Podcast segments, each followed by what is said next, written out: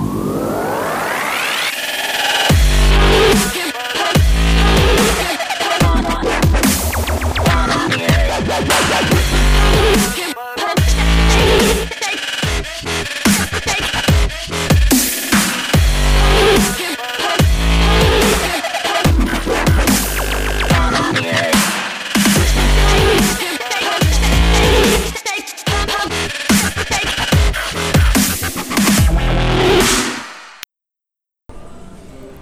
We, we gingen op de, op de go, hè? Dus, dus 3, 2, 1, comma, go. Ja. ja. Ja, Niet go. 3, Ja, op de 2, go 1 gingen en dat je dan tegelijkertijd op de 1 ook je knopje indrukt. Nee, of dat de ene dan wel op de 1 zit en dan de ander pas op Nee. go gaat. Nee, dat Nee, dat is, dan laat die discussie ook niet ontstaan bij de volgende start, weet je wel. Dat dan, eh, ja, ik zal geen namen noemen, maar dat dan misschien Romain Grosjean gewoon nog stil blijft staan. Van, oh, ik dacht dat, eh, dat we na die lampen pas... eh, ik zag geen groen. Ja, ik denk, wacht maar. Ik heb altijd geleerd om bij groen te gaan rijden. Ja, ben ik de enige met een beetje fatsoen hier. Oh, het kan trouwens zijn dat ik eh, echt naar de... Misschien was het niet zo handig om te gaan zitten bij een open haard. Want ehm, de, mijn rug is echt eh, tweede graads op dit moment. het is echt bizar. Ja, dit is niet... Dus ik, eh, ben benieuwd hoe lang dit volhoudt. Elwin Kuipers, die... ja, met zijn levensstijl kan hij natuurlijk zelden deze podcast gewoon vanuit huis eh, opnemen. Hij is natuurlijk altijd on the road. Is het niet in het binnenland dan wel buitenland. Dus jij, jij hebt nu een eh, Laplace opgezocht. Dus dat, dat Ja. suggereert dat je ergens in Frankrijk bent. En eh, daar, dacht jij, ik ga in die hoek zitten tegen de open haard aan. Ja, in plaats van dat ik 9 euro betaalde voor een flexwerkplek. Ja, we hebben ook eventjes met de accountant overlegd. En 9 euro voor één aflevering, dat is toch wel een serieuze investering. Ja, en ik, ik zag zojuist weer de factuur binnenkomen van, eh, van de hosting voor deze podcast. Ja. En ik heb ook tegelijk even de inkomsten bekeken. Eh, dat is een vrij trieste zaak. Ja, ja eh, laten we dat nog even doen. Bedankt, lieve luisteraar, voor, ja, voor al jullie donaties. En ja, dat was sarcasme. Het, het kan wel. Het, het is niet dat het niet mogelijk is. Nee, nee, misschien heeft dat er iets mee te maken.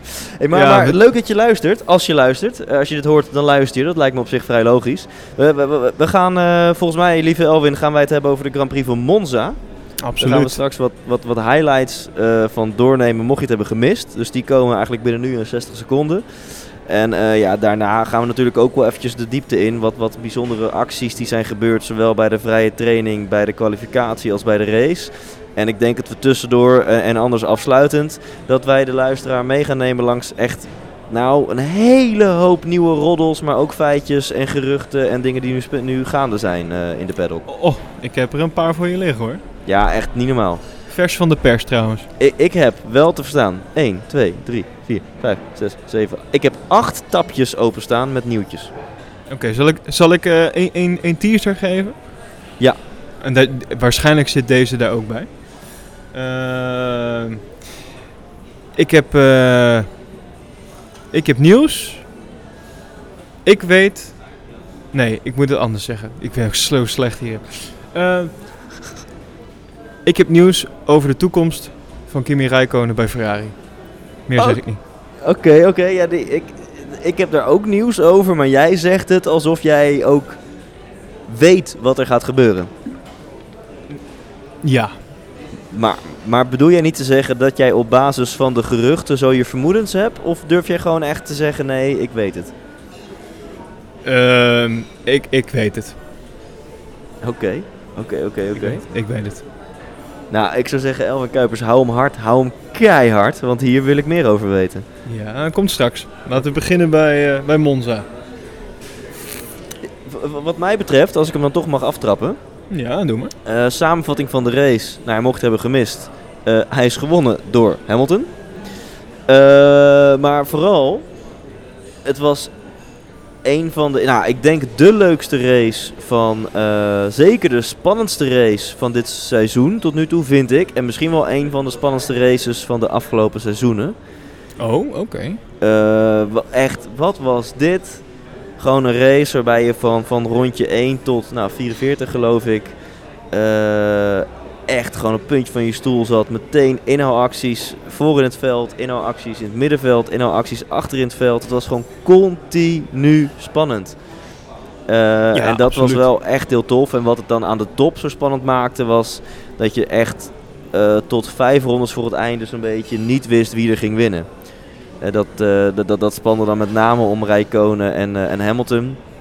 En tot een paar rondjes voor het einde wist je ook niet waar Max ging eindigen. Ging hij nou wel of niet die derde plek behouden? En dan zwijg ik nog over alle inhaalacties van een, een Vettel die zich van achter naar voren heeft gebeukt. De, de, de, ja, eigenlijk hoe, hoe Bottas tweede man speelde bij Mercedes. En, en door Bottas heeft eigenlijk Rijkonen zijn banden opgegeten en heeft Hamilton kunnen winnen. En ehm, ja, mooie race. Hele mooie dingen. voor ieder wat wils zat er wat in. Ja. Toch, uh, ja. Nee, het was absoluut de moeite waard. Wat, wat is wat jou eh, betreft? Zijn, ja? Nou, er zijn races, races dit seizoen geweest waar ik langer bij in slaap ben gevallen. Nou ja, laten we heel eerlijk zijn. Spa-Francorchamps was in principe geen reet aan. Nee, na, na een rondje, wat was het? 20 of zo, was er geen reet meer aan. Nee, het was uh, een spectaculaire launch van uh, Alonso, daar was het wel bij. hey, maar dus stel dat er nu iemand luistert die de race niet of amper heeft gekeken. Wat is wat jou betreft, betreft een absolute highlight die, uh, die, die, die je moet weten van de race? Een, een absolute highlight? Ehm, nou, wat ik... Nou, wat een absolute highlight is, is denk ik, uh, als we het dan even uh, op Nederland betrekken en dan Max Verstappen, is het denk ik wel het feit dat uh, Max in ieder geval zijn auto voor die van Bottas heeft gehouden. Wat natuurlijk echt heel knap is. En ja. wat ze van tevoren volgens mij ook al zeiden, toch? Van nou, Bottas kunnen we hebben. Ja. Met de auto die we hebben nu en zo. Dit is wel echt iets wat ze ook echt naar buiten hebben. De, ja, dat klopt wel, ja. Klopt wel, ja.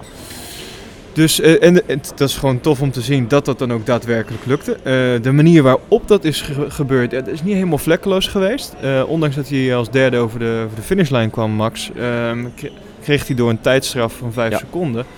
Werd hij toch teruggeplaatst, waardoor hij uiteindelijk, of tenminste, daardoor kwam hij uiteindelijk op de vijfde plaats terecht. Dat was helaas jammer. Ja. En ja, daar is ook nog wel even wat over te doen geweest. Want Zo, daar zijn de meningen over verdeeld. Ja, ja, dus de, de, de, dat was ook wel vanaf zondagmiddag na de Grand Prix tot aan, uh, nou ja, uh, dinsdag hoorde ik het gewoon nog op de radio, op het, op het, op het journaal. Hè? Gewoon oh, het algemene journaal, waarin gewoon de dingen worden doorgenomen die gaande zijn in de wereld. Uh, op dinsdagochtend hoorde ik gewoon nog op Radio Veronica of zo een update over hoe, hoe, Max Verstappen nu vond dat die actie was. Dus het was echt twee dagen lang was het, was het talk of the town. Ja, absoluut. Ik, ik ben benieuwd, uh, Thijs, wat vond jij ervan? Wat, uh, hoe heb jij die actie beleefd en, en vond jij de straf terecht of niet? ja, nou, ik, ik ging in eerste instantie kijken wat, wat er dus gebeurde. was aan het einde van het rechte stuk. Ik Bottas die um, kon op vermogen heel makkelijk voorbij aan Max. Maar ja, Max is nou wel de moeilijkste om in te halen. En Bottas is niet een van de beste in hele gewaagde inhaalacties. Dus Bottas zat natuurlijk al rondes lang uh, te pushen achter Max. De, die weet inmiddels heel goed hoe de achterkant van Max' auto eruit ziet. En toen ineens uh, op het rechte stuk DRS en Mercedes Power. Hij zette hem er vol naast. En toen dacht Max, nou, ik, ik ga jou heel, heel weinig ruimte geven. Zodat ik gewoon mijn plekje kan uh, verdedigen. Ja, en toen, toen raakten ze elkaar en toen schoot Bottas rechtdoor. Ja. Ehm, in eerste instantie ging ik compleet mee met het commentaar en de analyse van Olaf. Want Olaf Mol die zei meteen: Oeh, Max, ja, dit, dit, wordt een, dit wordt een penalty. Dames en heren, let maar op, dit wordt 5 of 10 seconden.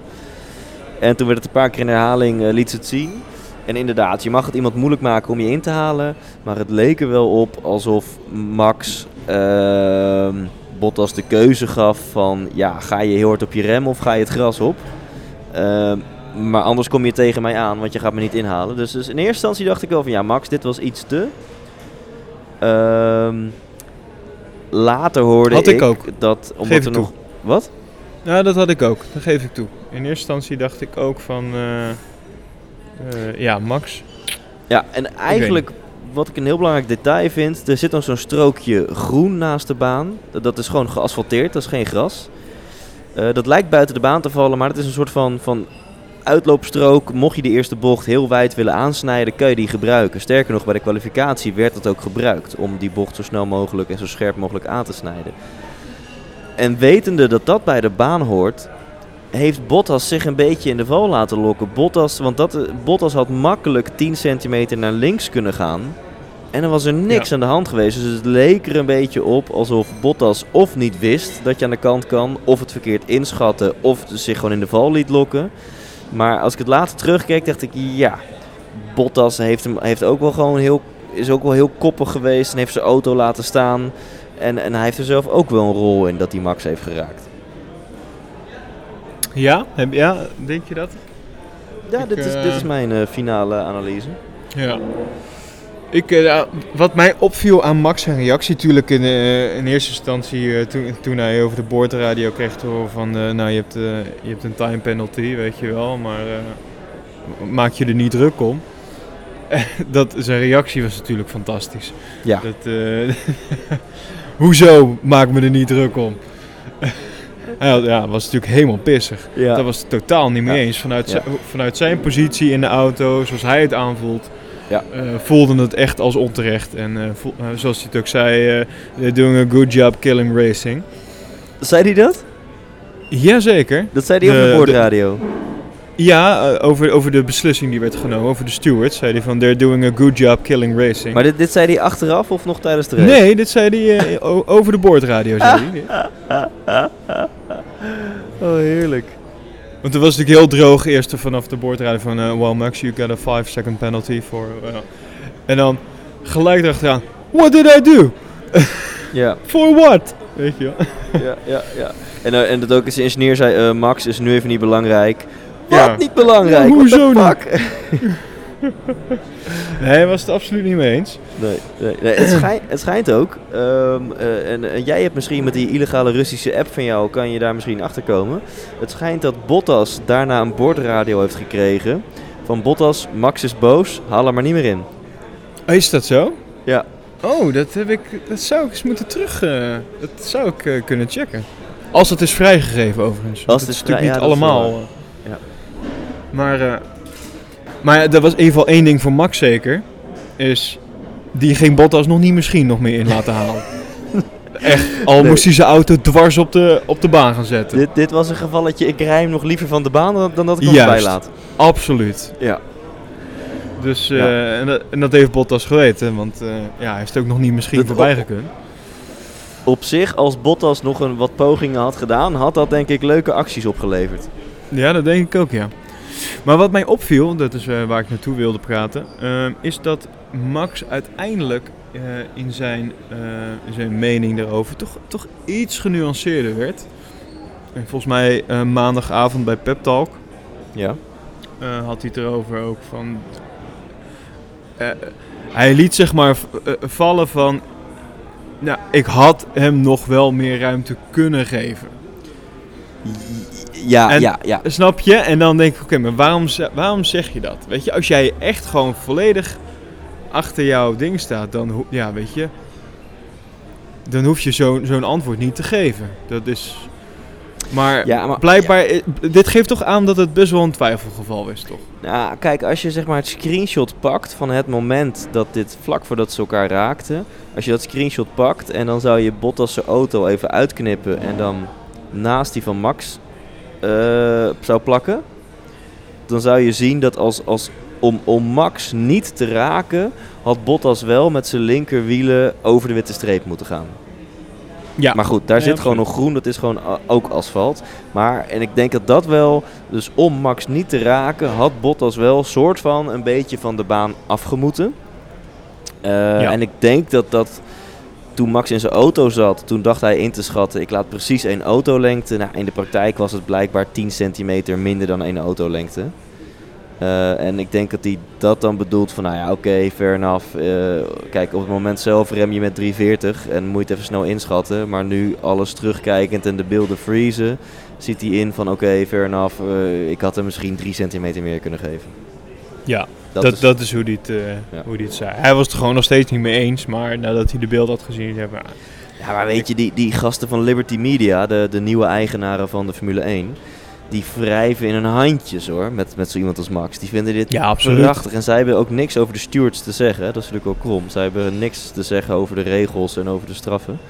Maar die vinden dit fantastisch hoor. Die Max is gewoon weer talk of the town. En ik moet eerlijk zeggen, dit hebben we natuurlijk twee keer eerder meegemaakt. Hè, dat hij een derde plek moest inleveren vanwege een straf. Ja. Ehm, ik weet niet hoe het met jou zit. Dit, ik, ik, ik zat er vorige keren meer mee. Nu, omdat, ja, of, of hij dan wel of niet op het podium kwam. Ik, ik vind dat Max gewoon als een, als een dijk heeft gereden en, en dat hij dan wordt teruggezet, kon ik eigenlijk alleen maar om lachen. Nou, ik, ik was. Ik, nou, ik voelde me wel een beetje in mijn. eh, Ja? Ja, ik zal de zin niet afmaken. Maar je wou het zeggen, maar weet jij hoe dat voelt dan? Eh, Nee. Ik, dat is een aanname. Dat is ik heb geen andere idee. podcast, andere podcast, ja. Ja, geef niet. Maar ehm, eh, juist omdat eh, eigenlijk het, het, eh, het doel van die race, of een van de doelen van die race, namelijk voor Bottas zien te komen, of in Mhm. ieder geval sneller zijn dan Bottas, en dus ook over de finish komen, en in dit geval op een derde plek. Ja, het is toch een podium die aan je wordt ontglipt. Ja, ont- wordt ontnomen, weet je wel. Ja. Dus, ik weet niet, deze vond ik best wel zuur hoor. Om, eh, juist omdat het ook. eh, Ja, ik, blijf het nog steeds best wel een twijfelachtig moment vinden. Eh, ja. Ik, eh, ik vond deze wel zuur, eerlijk gezegd. Oké, oké. Dus ja, jij vindt toch wel... ja, het, het feit dat nu het podium van Max ontnomen is, dat, dat, dat, daar zat je wel echt even mee. Ja, maar ge- gewoon ook omdat, juist omdat hij derde plek reed, juist omdat hij eh, eh, voor, voor Bottas reed, zeg maar, wat natuurlijk voor de, op, zeker op die baan ook nog een keer, Ja. voor, een, voor een Red Bull auto, ja, dat is gewoon echt heel knap. Ja. Dus, en dan is het gewoon zo jammer dat dan dit dan nog de eindconclusie uiteindelijk is. Maar dat, dat dat- dan nog even gebeurt. Dat is echt vet, hè. Max rijdt zo vaak op een plek waar hij helemaal niet hoort te rijden. Ja. Met zijn auto hoort hij gewoon niet eh, eh, beter dan vijfde te rijden. Of, of hij mag een keer vierde rijden als een van de Ferraris of eh Mercedes een uitvalbeurt heeft of wat dan ook. Maar in principe hoort hij niet verder dan P5 te rijden. En hij rijdt zo vaak rijdt hij op, op een podiumplek. Ik bedoel, hij heeft natuurlijk ook van de afgelopen zes, zeven races iets van vier podia gepakt. Ja. En ehm, ja, dat vind ik echt wel vet. Want zijn auto is echt zoveel minder snel. Dat, eh, dat, dat, dat zag je afgelopen, zeg maar sinds de zomerstop. Spa-Francorchamps en Monza. Op die twee circuits was het en bij de kwalificatie, maar ook bij de race weer zo pijnlijk duidelijk. Dat, dat, dat zijn auto gewoon eh, niet in de buurt komt bij de power van die Ferrari en Mercedes. Nee, er zat wel een nieuwe, motor in trouwens, hè? De nieuwe ja, dat ging lekker bij. Ricciardo. Ja, ik wilde net zeggen, nog iemand die, eh, die niet rijdt waar die hoort te rijden. Daniel Ricciardo. Hey, maar En die rijdt helemaal niet namelijk. hey, Elwin, daar ben ik wel benieuwd. Ik weet niet hoe spiritueel jij bent. Eh, nou, ik weet wel een beetje hoe spiritueel jij bent. Ja, maar ik ben dan, wel in- spiritueel. sorry, wat zei je? Ja, ik ben wel een beetje spiritueel. In, hoeverre geloof jij dan dat er toch eh, verbanden zijn die misschien niet met een wetenschappelijk oorzaak-gevolg eh, verband uit te leggen zijn? En daarmee bedoel ik, eh Ricciardo heeft voor dit seizoen natuurlijk een beetje de handdoek in de ring gegooid. Ik ga volgend jaar naar Renault, wat ook natuurlijk een bijzondere keuze is, gezien het gewoon een minder goede auto is. Dus het lijkt alsof hij een beetje eventjes de hoop op heeft gegeven om wereldkampioen te worden. Eh, en dus met een iets andere mindset in die Formule 1 zit. Ehm, en dan lijkt de pech nu ook zijn kant op te vallen. En in, in, in hoeverre geloof jij dat daar enigszins wel een, een, gewoon een, een verband kan zijn? Eh, nou, ik, ik denk dat zijn, zijn gedachten niet meer helemaal bij, bij, bij Red Bull zijn. Eh, Ja. En, en ik, ik denk dat het resultaat daarvan ook wel een soort van te zien is. Ja. En ja, dat dan de motor uitvalt bij hem. Ja, ja misschien zit daar wel een, eh, een kleine spirituele verbinding in. Ik weet het Nou, niet. kijk, je kan natuurlijk zeggen van hoe weet die versnellingsbak nou dat Ricciardo niet lekker in zijn vel zit. of wat dan ook.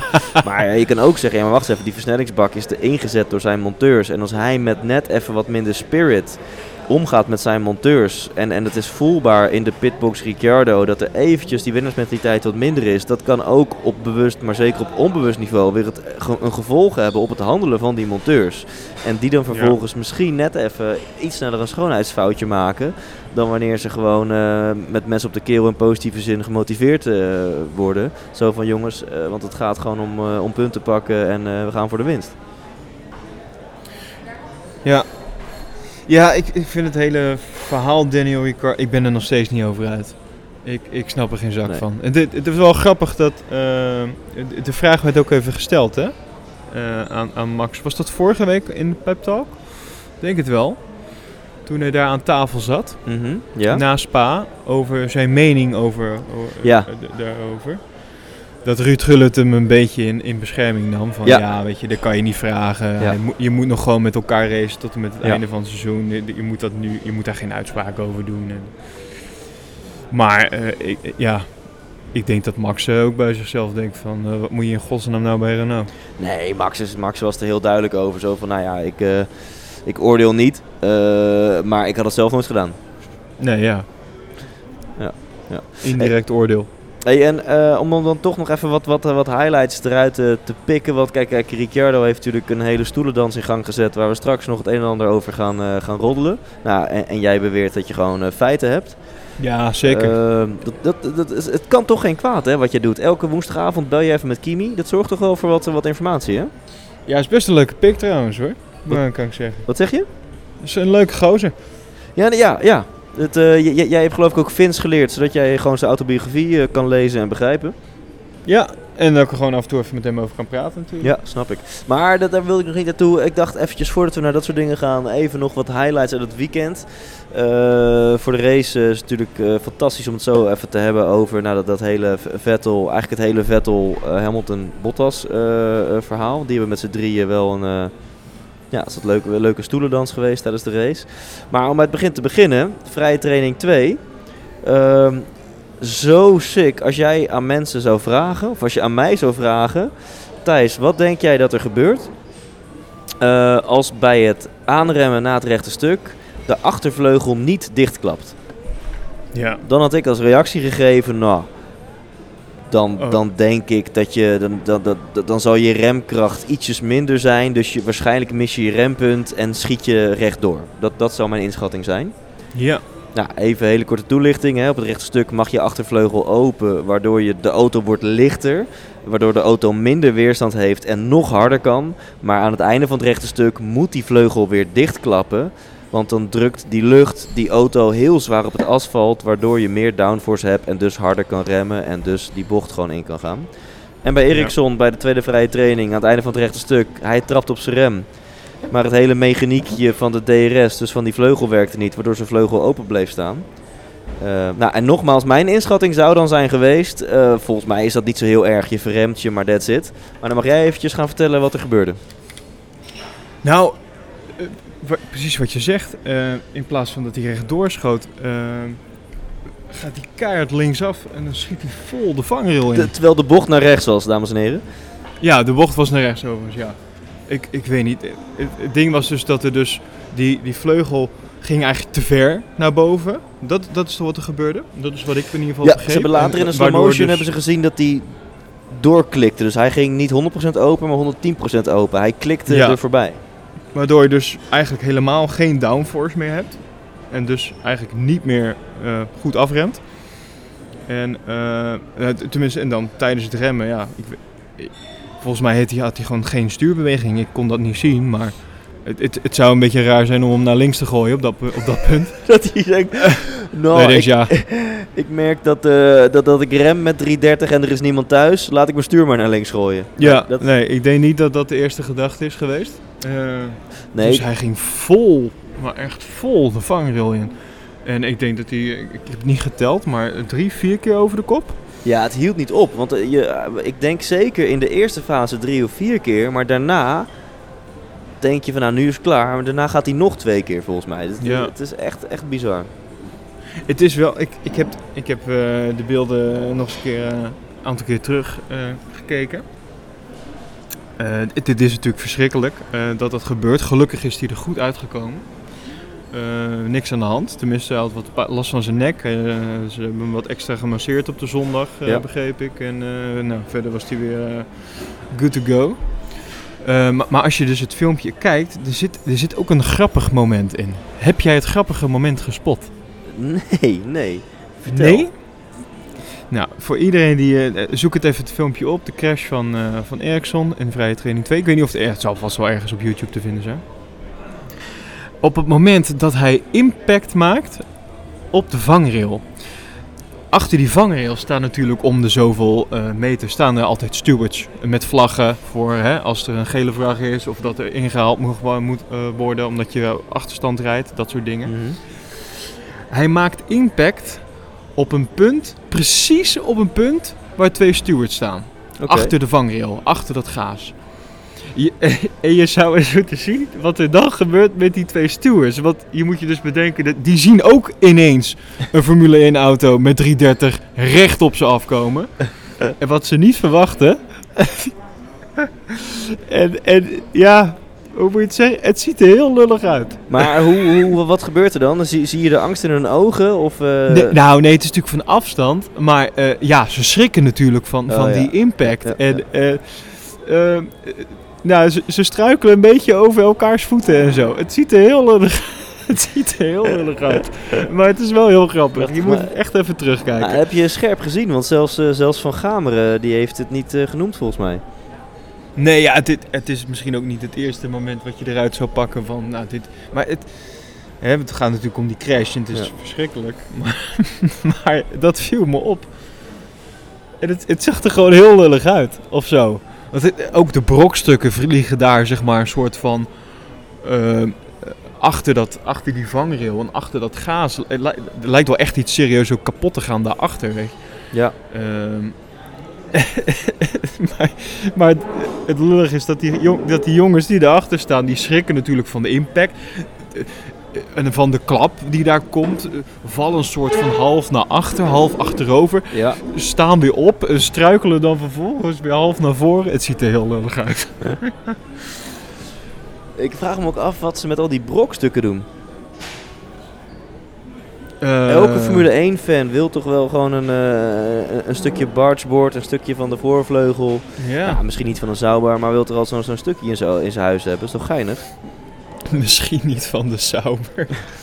Laten we eerlijk zijn. Dan gun je niemand. Nee.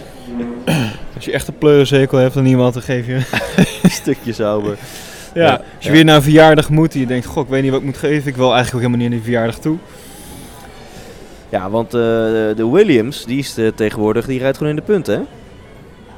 Ja, dat gaat lekker bij de jongens. Ja, ja. Maar Le Le Lensje Stroll, hè, vorig jaar had hij iets van 60 gekwalificeerd op Monza. Toen regende het ook in de kwalificatie. Dus uh, Monza is het, is het circuit van Lens Stroll.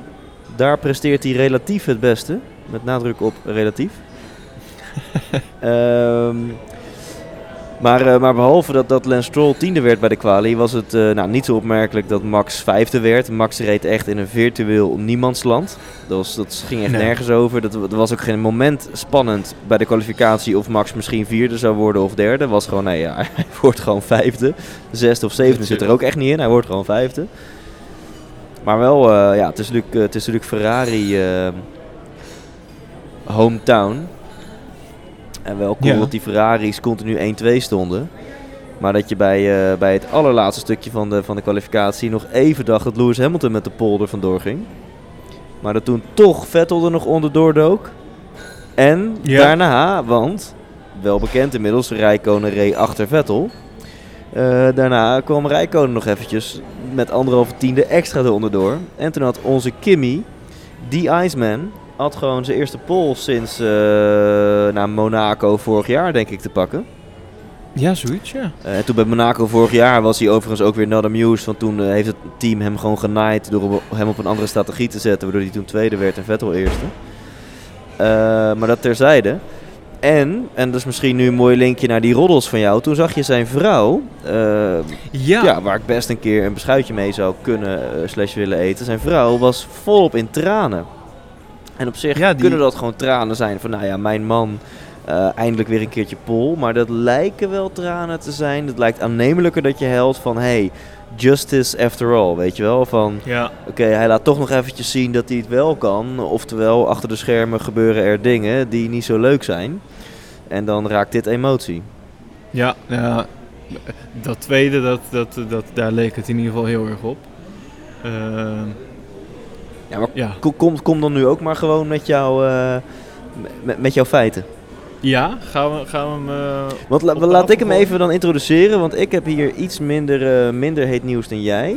Het enige wat ik hier voor mijn neus heb is ehm, Ferrari maakt donderdag, nou dat is terwijl wij dit opnemen, rijdersduo voor 2019 bekend. Krijgt Ja, Kimi. Räikkönen opnieuw een contract aangeboden bij Ferrari of gaat de Italiaanse renstal voor vers bloed en kiest men de jongeling Charles Leclerc? Volgens het Italiaanse Sky Sports maakt Ferrari deze donderdag bekend met welke twee coureurs ze in 2019 gaan rijden.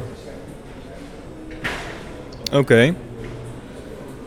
Zal ik daar een... eh, wat, wat, wat denk jij overigens? Wat, eh, Nou ja, wat natuurlijk wel geinig is, is dat, eh, eh, eh, nou dat is niet geinig, maar dat is verschrikkelijk, dat, dat Sergio eh Marchionne is, eh, ik spreek het helemaal verkeerd uit, maar die is overleden. Dat is de, de president, was de president van Ferrari Ja. en hij was blijkbaar eh, een onwijze fan van Leclerc en hij was blijkbaar al in een vergevorderd onderhandelingsstadium om eh, Leclerc eh, een stoeltje te bieden in 2019. Nou, Ja. hij is plotseling... Sterker nog, sterker nog, er ligt een getekend contract. Nou, maar neem jij het dan maar hier van mij over, want jij weet, weer, jij weet veel meer. Vertel, vertel, vertel. Nou, nee, de- dat is dus het ding. Eh, precies wat je zegt. eh, er schijnt dus al eh, met eh, Sergio eh, een, een, een getekend contract te liggen eh, voor, met Leclerc. Ja, dus, dus even dus met Sergio, die president van Ferrari en Leclerc. De, de, de inkt is al gedroogd. In principe hebben zij al getekend. Juist. En, eh, maar het team zelf wil Raikkonen heel graag houden. Ja, en dat is... Kijk, en nu Ja. komen we dus op het punt dat eh, Sergio is overleden. Ehm, en ze willen wel zijn wens inwilligen. Ja. Dus ondanks dat het team zelf andere wensen heeft, Ja. besluiten zij uit, uit eerbetoon toch de wens van Sergio in te willigen. En, en dus Charles Leclerc op dat stoeltje te zetten. Ja, dus dat is een, een, een, even een gekke vergelijking. Maar stel, jij wil het logo van deze podcast, wil jij knalgeel hebben. En ik ben het daar totaal niet mee eens. Eh, en dan ineens kom jij plotseling te overlijden. Waarom ik nou? Nou ja, dat, omdat het, het, het kan gewoon dat je door een overdosis buttplugs, dat, dat, eh, dat kan wel eens eh, misgaan. Eh, Is, is dat zo? van horen zeggen. Nee, eh, maar dan, dan kan ik natuurlijk kan ik, kan ik A denken, nou, wat chill, dan hoeven we dat logo tenminste niet fucking geel te maken. ja. Of ik kan denken B, ja, ondanks dat, dat ik het er totaal niet mee eens was, ik vind het nu wel respectvol richting eh, de, de dode om wel gewoon zijn, zijn wens eh, in te willigen. Zijn wens eh, te honoreren. Eh, Ja. en dat is, en het, het lijkt er dus op dat, dat Ferrari eerst een beetje naar optie A ging. Van haha, nu kunnen we lekker ons eigen zin doen. En nu buigt Ferrari een beetje terug naar ja, eigenlijk hebben we het wel, zijn we het wel verplicht naar hem om gewoon zijn wens door te zetten. Ja, nou, en om er uiteindelijk een klap op te geven, ik, ik kan eh, bevestigen dat eh, de, de Italiaanse krant La Gazzetta del Sport, of dello Sport, die, die heeft al naar buiten gebracht dat het eh, doek voor Kimi definitief is gevallen. Echt waar? Wat betekent dat Sebastian Vettel en Charles Leclerc volgend jaar... Maar La Gazzetta Voor della Sport is er al over uit. La Gazzetta dello Sport is erover uit. Ja, echt joh? Ob- obviously. Maar dan, dan, ben je, dan ben jij sneller dan eh Racing News eh, 365.nl. Weet ik veel ja, maar dat, ja, ik zit er bovenop thuis. Dit is niet normaal. Dat is mijn middle name. Elwin zit er bovenop Kuipers. Dit is ongekend. Die dus mag dames en heren, nogmaals, invullen. een primeur hier bij de Pole Position Podcast. Doek definitief gevallen voor Rijkonen. Leclerc rijdt voor Ferrari in 2019. Absoluut. Dat is hem hoor. En ik vind het jammer. Ik vind het echt heel jammer. Ik had Kimi heel graag nog een jaar eh, rond zien rijden bij eh, Ferrari. Eh, Ja, wat een beetje jammer en, want het is ook duidelijk, hij heeft namelijk ook altijd gezegd dat Ferrari zijn laatste zijn team zou zijn in de Formule, in de Formule 1. Dat heeft Kimi gezegd. Ja, dat roept hij al jaren. Dat, dat zijn eindstation is. Ja, hij dus- gaat, weet je, wat moet hij dan gaan doen? Gaat hij dan nu bij Haas rijden? We- we- Er is toch geen, er is toch geen andere, ander team voor hem dan of Ferrari. Nou, Mercedes gaat het echt niet worden. Eh, Nou, Red Bull ook niet. Dit is wel gewoon klaar voor die jongen. Ja. Ja, het is, eh, ik vind het jammer dat, eh, ik denk een jaar geleden, misschien nog wel bij de eerste af, ja, weet ik wel zeker, eerder dit seizoen, liepen wij onder aanvoering van mij nog redelijk Kimi af te zeiken. Want ik heb altijd een beetje een hekel aan van die mensen die zo, zo dood doen richting de pers. En van, even een beetje emotie erin, doe, doe eens leuk. Maar ik, nou, ik, ik begin steeds meer van hem te houden. Dus net op het moment dat ik, dat ik, dat, dat ik en volgens mij jij ook, dat, dat we het echt een toffe peer vinden. En met ons volgens mij heel veel racefans, in elk geval in Nederland. Eh, net op dat moment dat je hem begint te waarderen, gaat hij weg. Ja, Ik, ik pink even een traantje weg. ik heb het er ook even moeilijk mee. Je weet dat Dus zo'n ja. moment gaat komen. En toch, als het Ja. al gebeurt, Ja, dan raakt het je toch wel. heel diep. Oh, fijn. En door. Ja. Eh, Nou ja, dit is wel, maar, maar wacht even. Ho, dit, weet je wel, Oh. kijk, Alonso eruit. Dus, dus twee eh, fossielen gaan eruit, Alonso en Rijkonen. Eh, Ja, dus die stoelendans die wordt nog leuker, want je hebt al een interne stoelendans, maar er komen ook gewoon twee slots vrij, waarvan we natuurlijk al wel weten welke de, de eerste gevuld eh, gaat worden. Dat is misschien een leuk nieuwtje om, eh, nou dat kunnen we gewoon delen, dat wordt eh, Norris. Ja, ja, dat is wel duidelijk. Die had ook in kwalificatie toch... eh, sorry, in de eerste vrije training eh, reed hij eh, in plaats van Alonso volgens mij.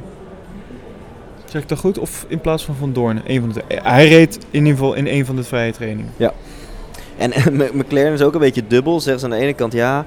Want McLaren heeft wel zeg maar, echt officieel naar buiten gebracht aan crash.net voor de insiders. Dat, Ja. dat ze Alonso of dat ze Van Doornen perfect vinden passen bij Toro Rosso. Eh, namelijk, ehm, wie heeft dat gezegd? Nou, in ieder geval een woordvoerder van eh, McLaren heeft gezegd... Als ik Toro Rosso was en ik had twee stoeltjes vrij in 2019, dan zou ik het wel weten. Oh ja, Zack Brown heeft dat gezegd, teambaas van McLaren. Eh, maar aan de ene kant zegt hij dus ja, wij, wij schrijven een hele mooie endorsement. We schrijven een recommendation op de LinkedIn van Van, van Doornen dat het echt een topcoureur is. En we raden andere teams hem aan. Maar tegelijkertijd zeggen ze ook, ja, maar wij kicken hem wel eruit. Wij laten hem plaatsmaken voor Lando Norris. Ja, Ja, maar Alonso gaat dus ook al weg, hè? ja maar Sainz, het wordt Sainz en eh, Lando Norris.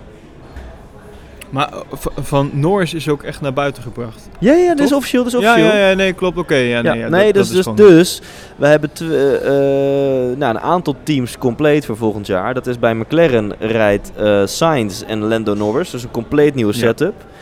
Ja. Bij Red Bull rijdt Max en Gasly. Nou, bij Toro. Rosso, dat weet nog niemand. Bij Ferrari rijden Vettel en Leclerc. Mercedes, ja, dat blijft gewoon Hamilton en Bottas. Eh, en, en Renault wordt Hulkenberg en eh Ricciardo. En voor de rest is het bij Haas is nog onzeker wat Grosjean gaat doen. Bij Williams is het natuurlijk onzeker wat Stroll gaat doen. En komt misschien dan Kubica er wel in. Bij Force India is het natuurlijk onzeker of Ocon daar gaat blijven. Ik hoop daar Eh, zo dan is, wie wordt dan het teammaatje van Ericsson bij Sauber? Als Ericsson überhaupt mag blijven bij Sauber. Is, is geen team waar er geen spanning is. Nee, dit, dit is, wa- wat ik ook leuk vind is dat er veel, veel jonge, jonge jongens erbij gaan komen. Ja, jij houdt wel van jonge jongens, hè? Jong talent. Godzam. Ja, ja. Maar eh, ja, jij noemde hem net al even, Alonso. Eh, want daar wilde ik eigenlijk een klein bruggetje naartoe maken. Ja. Eh, ja, nou, ik, ik, wat, ik vind Alonso, ik vind het een beetje een triest einde worden. Ik, eh, ik, ja, Ja. de, Ik- de ik- laatste vier races is die drie keer uitgevallen. Ja. het is een grote meneer.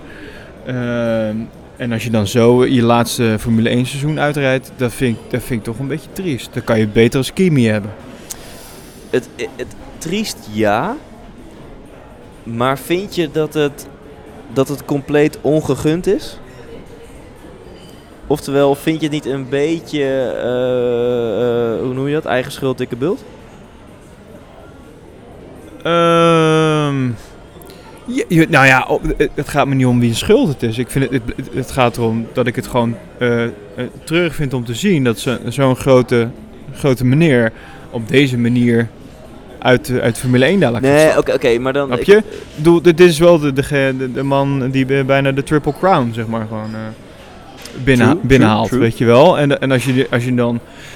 Dan zie weet je het is, ik zie hem dan nog liever racend uh, het seizoen afmaken, als nu de laatste vier wedstrijden dat hij drie keer ernaast staat. Dat is dat geen. Dat, ik weet niet. Ik vind dat gewoon zo. Ja, dus wat dat betreft is eigen schuld. Ik bult is denk ik niet. Terwijl ik uitkijk naar hoe een auto uh, zo goed als mijn, mijn, uh, mijn bumper eraf rijdt. maar dat terzijde. Oké. Okay. Uh, ik wil niet stigmatiseren, maar er zit een vrouw achter het stuur. um, maar wacht even, ik ben helemaal van apropos nou. Uh, ja, wacht. Eigen schuld, ik is denk ik niet wat ik bedoel. Want het is natuurlijk niet zijn schuld dat hij vier keer uitvalt. Uh, mag ik hopen van niet. Ik denk niet dat hij zijn eigen auto gaat saboteren. Maar... Lijkt me niet. Het is wel een beetje... Uh, laat ik zo zeggen, Alonso is niet de sympathiekste de laatste tijd. Uh, op vakantie kwam ik een Spanjaard tegen, wat op zich geen toeval was, want ik was in Spanje op vakantie. En uh, toen vroeg ik aan hem, uh, weet je, Formule 1, uh, Carlos Sainz en Fernando Alonso. En toen zei hij ook, nou, Carlos Sainz, die is echt super populair bij het Spaanse publiek. bij, bij, bij, ja, bij, bij het volk, maar Alonso niet. Alonso vinden wij eigenlijk niet zo sympathiek. Okay. en, en, en ook, ja, gewoon eigenlijk al ruim anderhalf jaar. Het is soms wel grappig, die boordradio's en zo. Maar het is wel een beetje een zuurpruim. En hij wel op alles te bitchen. En hij maakt ook bij de andere coureurs echt heel veel ruzie. Uh, Leclerc had nog uh, tegen de pers gezegd van ik heb een hartig woordje met Alonso te spreken. Nou ja, Magnussen die heeft natuurlijk gezegd het is maar goed dat hij, dat hij eruit gaat. Dus hij loopt ja. overal een beetje ruzie te maken. Hij schuift niet onder stoelen of banken dat hij McLaren kut vindt en Honda kut vindt en nu weer de auto. Hier, ik kan nog even iets erbij pakken. Alonso heeft gezegd de McLaren wordt steeds fragieler. En uh, dan gaat hij zich daar weer helemaal over uitlaten. Ja, uh, ja, nou, ja, kijk, maar voor hem is het heel simpel. Hem in te zitten, nog niet misschien iets. Dus die, gaat, die flapt nu alles eruit. Maar sorry voor de heel, uh, een beetje een heel lang betoog voor een heel klein punt. ik, ik vind het inderdaad jammer. En ik, maar ja, als je al anderhalf jaar lang zo, zo zuur doet, dan, dan heb je wat mij betreft ook iets minder de gunfactor. Helemaal mee eens, helemaal mee eens. Maar dan nog, dit is echt een grote meneer. En ik, het, misschien is het ook een persoonlijk dingetje, want ik ben gewoon in zijn tijd bij, uh, uh, bij Renault, uh, ben ik gewoon echt heel erg fan geweest. Ja. Ja, ik, het, en dat is natuurlijk ook een van zijn beste periode, of een van zijn beste, betere periodes. En, ja, en wat ik al zeg, weet je, de, deze man heeft de 24 uur van Le Mans gewonnen. Uh, die is wereldkampioen geworden. Uh, heeft nu volgens mij een testrit al gemaakt in IndyCars. En gaat waarschijnlijk ook die overstap maken, toch? Ja. Uh, ik, ondanks dat hij misschien een lage gunfactor heeft. Of een laag, weinig sympathie heeft bij heel veel mensen.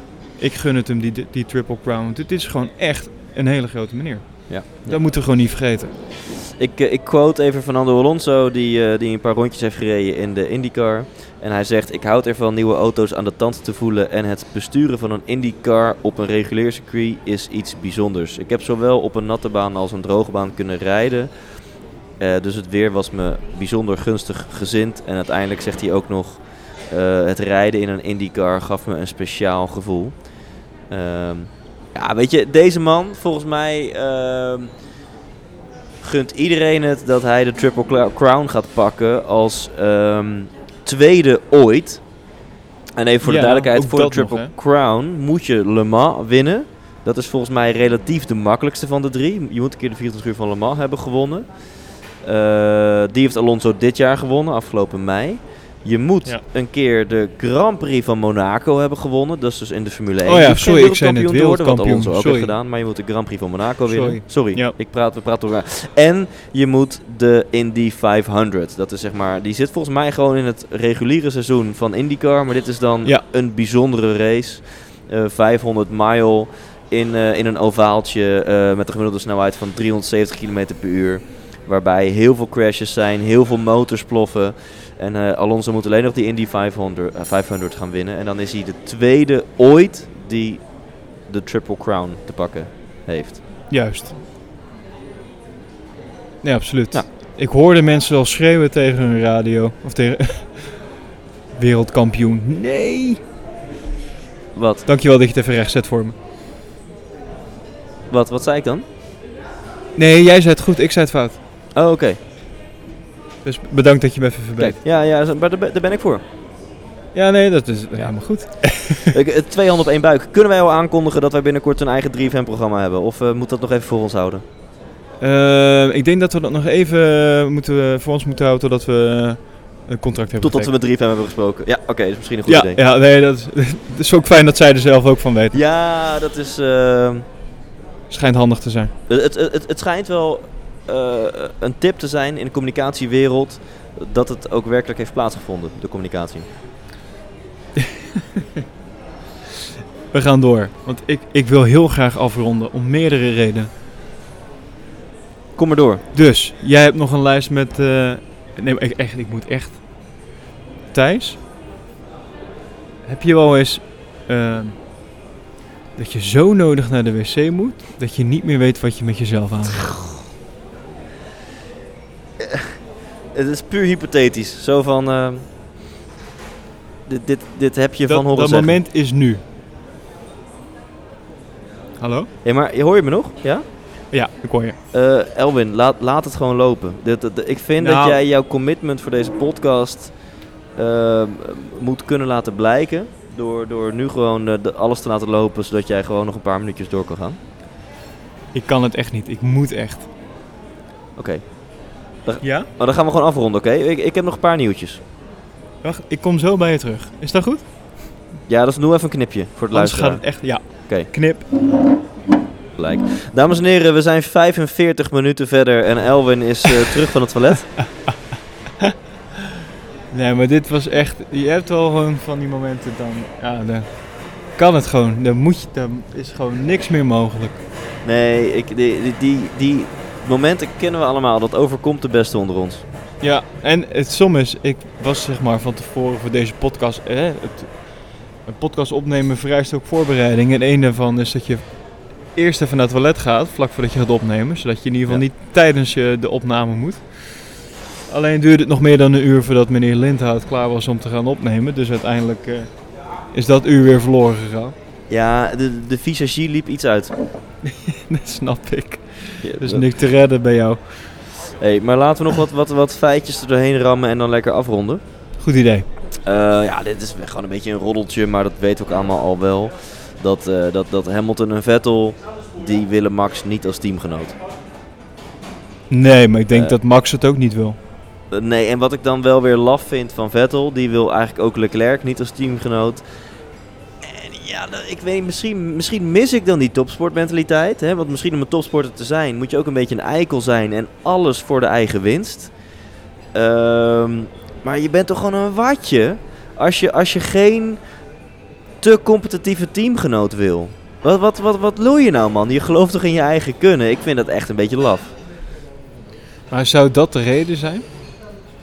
Ja, ja het, is, het is duidelijk bij, eh, eh, zeker bij Vettel, maar volgens mij ook bij Hamilton, die hebben gewoon uitgesproken, we willen een tweede rijder naast ons. En we willen niet iemand die, eh, die competitief, is, competitief is. Ja. ja, ja. Maar ehm, ehm, als, tenminste, volgend jaar als Leclerc dus eh, bij, bij Ferrari rijdt, dan is hij toch gewoon tweede rijder? Of ben ik nou... Ja, tuurlijk. Want dat- want dat is, dat is sinds jaar en dag de strategie van Ferrari. Dat zal nooit veranderen. Maar hij is natuurlijk wel een. eh, dus, dus het team bombardeert hem wel tot tweede rijder. Maar Leclerc is wel iemand die in aanmerking komt om wereldkampioen te gaan worden. Misschien niet volgend jaar, maar dus, dus Leclerc is wel iemand die en het talent heeft. En zeker de drive heeft om, om voor zegens te gaan. En, en Ja. kijk, een Bottas en een Rijkonen is echt wel een ander verhaal. Dat, ze, dat zijn, die, die, die zijn toch iets ja, gemakkelijker met hun positie als ik, ik, moet, ik moet een stapje terug doen. Ja, nee, dat is waar. Maar ik, ja, ik weet niet, ik, ik zou hem als Vettel zijn. Het- niet om die reden daar druk over maken. Of tenminste eh, zo'n uitspraak over doen. Ik bedoel, ja... Volgens mij is duidelijk wie eerste rijder, wie tweede rijder is. Volgens mij heeft Leclerc nog best wel wat te leren. Eh, en zeker als hij dadelijk voor het eerst in een Ferrari gaat stappen. Ja. Ik, ik denk dat het ook oprecht, oprecht ook gewoon een soort verdediging voor uh, is. Dat het een Want wat? ik weet, een, een verdediging voor Rijkoon is. Ik, ik weet zeker dat eh Vettel Rijkonen gewoon nog heel graag als eh, Ja. tweede rijder in zijn team wil hebben. Ja. Zo simpel is het. Ik denk ja, dat dat... maar het, het, is, het is een beetje angst, denk ik. Het is, het is speculeren, maar ik weet natuurlijk wel iets van mensen. Het is angst. Vind, vindt uh, Rijkonen, wie weet gewoon, Rijkonen is oud. Die, die, die, tuurlijk eh, heeft hij racebloed, maar die hoeft echt niet meer eh zegens te pakken, wereldkampioen te worden. Dus hij weet gewoon bij Rijkonen, ten eerste weet hij eh, hoe dat is, want dat doet hij al jaren. En ten tweede weet hij ook dat Rijkonen die rol heel goed vervult als tweede rijder. Het is gewoon angst voor verandering, angst voor, voor, voor zijn eigen... ehm, hè, dat- zijn eigen kans op succes misschien ehm, eh, de kleiner wordt. En Ja. dat, dat eh, ja... Ik, ik, denk dat ik zoiets zou hebben van ja, laat maar komen. Ja, ik zou me ook nergens druk om maken. Nee. Eh, maar het is ook, ja, je hebt ook weer een, een 20-jarige broek ineens in je team. Weet je wel? Hey, en, maar, maar eh, Kuipers, Ja. volgend jaar hè. Dus één, één ding wat ik wel heel pijnlijk zou vinden als nu volgend jaar... kijk, dat Leclerc hoger in het klassement gaat eindigen dan Verstappen vind ik al pijnlijk. Ehm, maar ja, dat, dat, dat, die kans zit er dik in volgend jaar. Maar als Leclerc nu wereldkampioen gaat worden volgend jaar of, of over twee jaar... Dat zou ik wel heel pijnlijk vinden. Re- Ja. Als Max-fan. Maar, maar daarom moet Max het ook gaan doen. Ja, en daarom heb ik een, een, een, een ideaal beeld over 2020. Oké. En dat zou toch vet zijn? Stel je voor, Elwin Kuipers. Een Formule 1 seizoen. Waarbij je drie coureurs hebt die strijden om de wereldtitel. En die drie coureurs, dat zijn Charles Leclerc bij Ferrari. Ja. Max Verstappen bij Red Bull. En Stoffel van Doorn bij Toro Rosso. En Esteban Ocon bij Mercedes. Ja, ja, ja, ja. ja. Dat Ocon, Verstappen en Leclerc die met drie verschillende auto's als drie jonkies strijden om de wereldtitel en elke race om de pole en om de, en om de Grand Prix overwinning. Ja, daar kijk, eh, kijk ik wel naar uit. Nee, dat, dat is een mooie... Dat zijn de drie mooie namen die je daar noemt. Ja. Absoluut. Ook leuk trouwens dat je het nog even Ocon noemt. Ik vind dat Ocon en Perez trouwens in Monza ook heel goed gepresteerd hebben. Goed gereden hebben. Ja, Wist dus je. Ja. Vertel. Wist je, we- we- weet jij, want eh, eh, Force India hè, heeft nog maar twee races in de punten kunnen rijden. Er zijn tien teams.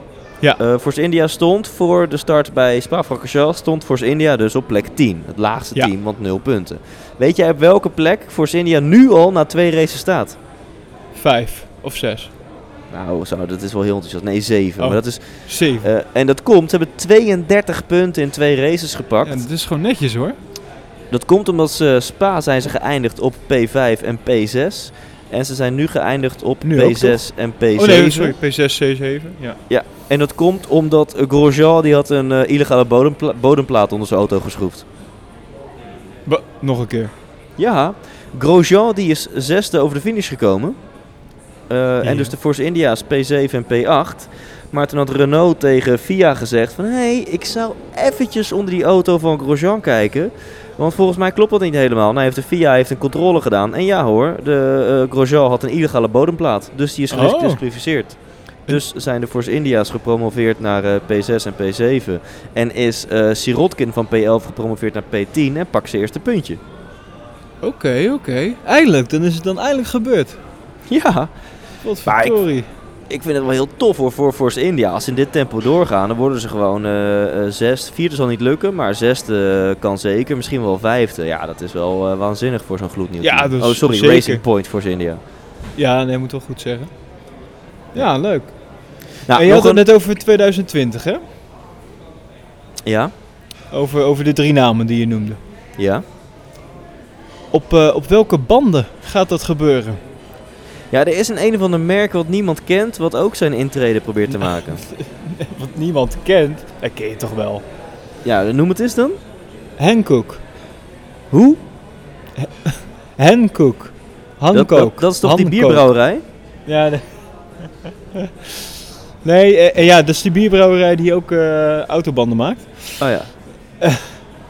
Maar uh, ja, dus er zijn natuurlijk contracten die daarvoor worden afgesloten voor de, voor de banden onder de auto's. En uh, op dit moment is natuurlijk Pirelli degene die de banden levert. En eerlijk gezegd, de, de, de, de signalen daarover, die zijn niet best. Welke signalen? nou, vanuit de, vanuit de teams. Uh, dat ze niet heel erg tevreden zijn met over, over uh, sowieso de strategie die Pirelli altijd uh, een soort van voorstelt, waar echt nooit aan wordt voldaan door de teams. Want, en dan denk ik, ja, waarom zou je nu überhaupt die bandenstrategie naar buiten brengen? Want ja, het, de, volgens mij is er nog nooit een team geweest die zich daar ook echt letterlijk aan houdt.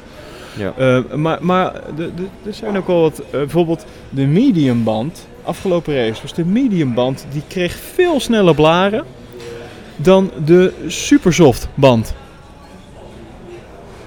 Dat soort dingen. Ik weet niet. Ja, ja dat is gek. Er zijn dingen die, die, die daar niet helemaal kloppen. En ik hoorde, nou ja, je hoort er links en rechts hoor je daar wel eens ook wat, wat rijders over klagen over, over de banden. In die zin.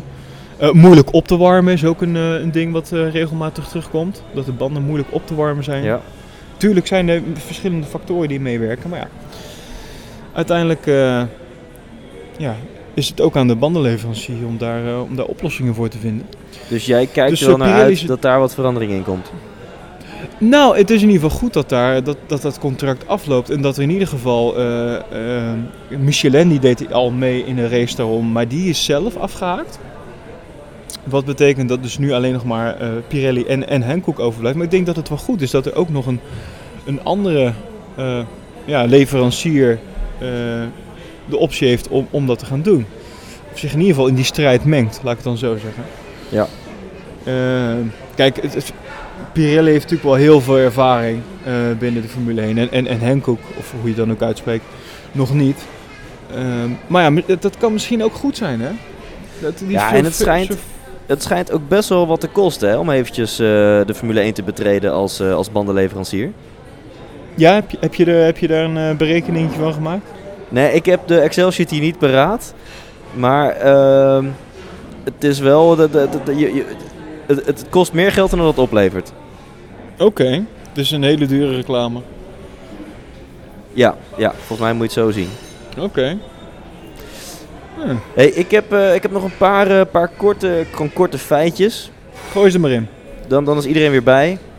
Nou, uh, Science heeft gezegd...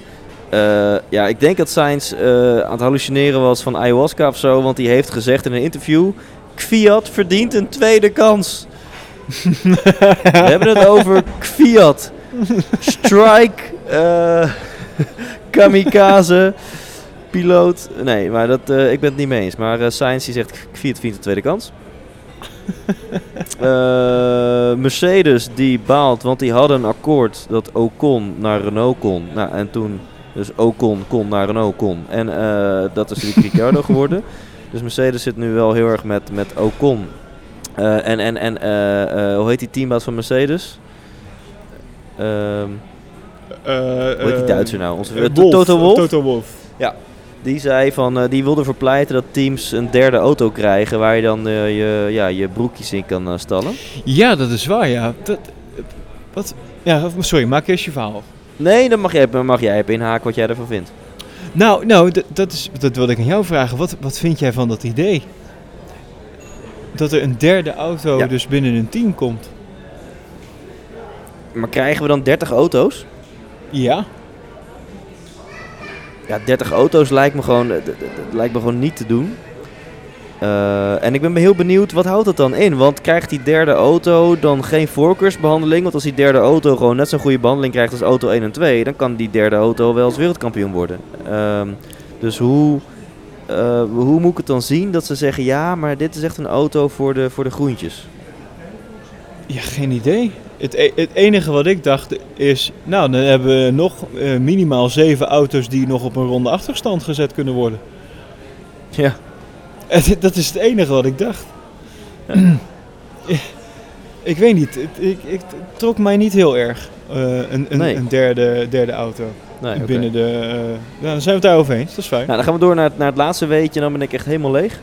Uh, dat de, de stewards, hè, dus die, die, de stewards die nu weer Max Verstappen goed in zijn reet hebben genaaid. Die, ja. uh, weet je wat die verdienen? Nou, Mag je, mag je eerst even raden, wat denk je dat de steward verdient om eventjes eh, ergens aan toe te vliegen en gewoon één race daar een beetje, Oh, één scheidsrechter te race. spelen? één race. Ja. Eh, nou, dit zal natuurlijk geen lullig bedrag zijn.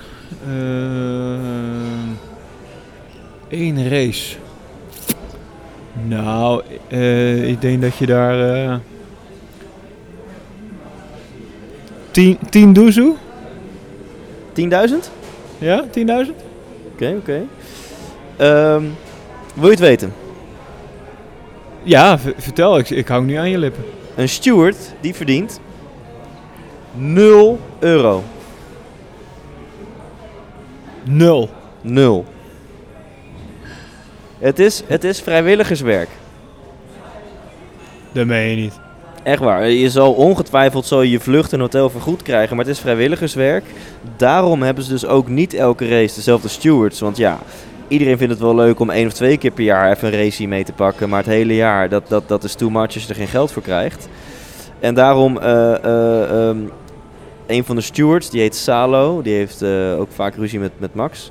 Eh, hij pleit er ook voor dat er budget moet komen. Eh, en wat zodra er budget is, dan staan mensen in de rij om gewoon wel vaste steward te worden. En dan heb je mogelijk een keer iets consequentere straffen. Dus een stelletje, stelletje gefrustreerde werklozen bepaalde de tijdstraf van Max Verstappen. Dat is wat jij nu eigenlijk tegen mij zegt. Ja, dat is, dat is wel En dat doen zij op vrijwillige basis. Ja. Dat is wel een professionele sport dit, of niet? ja.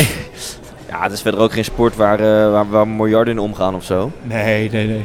Nee, ze halen gewoon bij de sociale werkplaats halen ze een paar mensen vandaan en die mogen naar die straffen. eh, Oké, nou, dat, eh, eh, pff. wauw. Dat had ik niet verwacht. nou ja.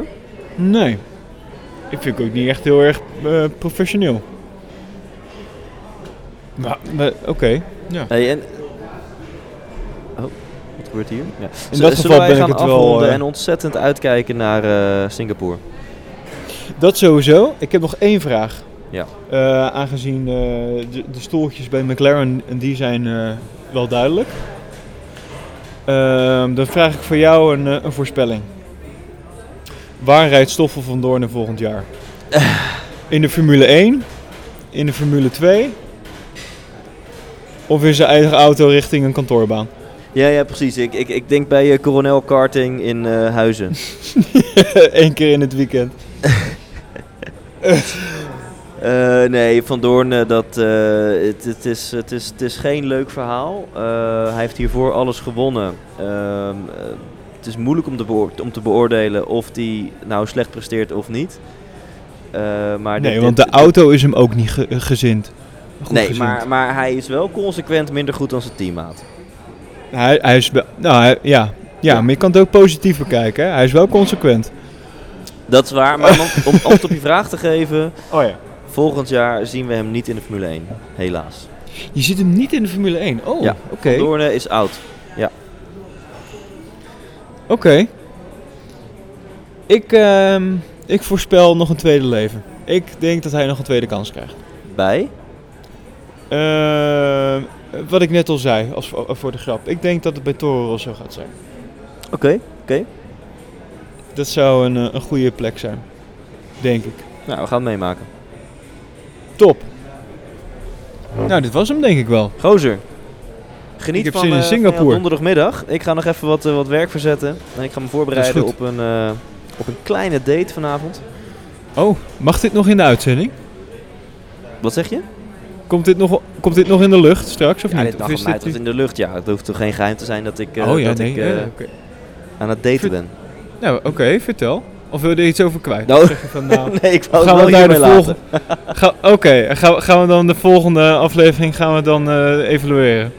Dat, dat zou zo kunnen. Ja, nee, ik, zie nu ook, ik, zie nu de, de, ik zie nu de persdame, de dame die, eh, die staat nu te zwaaien van Thijs, nu moet je echt eh, je mond Ja. houden.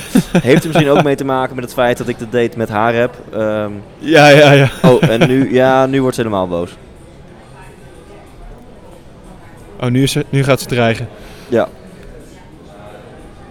Dat is Nou ja, oké, dan wens ik jou heel veel plezier bij, je- bij je date vanavond. Ja, en jij bij, eh, bij de band, hè? Ja, ik, eh, Het bandje. Ik, ik ga weer, ik ga weer eh, het land door. Niet. Voor, uh, voor hits, mensen. Keiharde hits Ja. worden weer gebracht vanavond. Wil je erbij zijn? Dan is het eh, in Alsmeer. Waarschijnlijk als je dit hoort is het al veel te laat, maar dat geeft Ja. niet. Volgend jaar doen we het weer. Feestweek Alsmeer. Wat, een, wat een promotie. Ja, jongen. Hey, eh, ik spreek je snel weer. Ja, ik eh, zou zeggen tot naar Singapore. Goh, kan niet wachten. Kusje. Ja? Dag.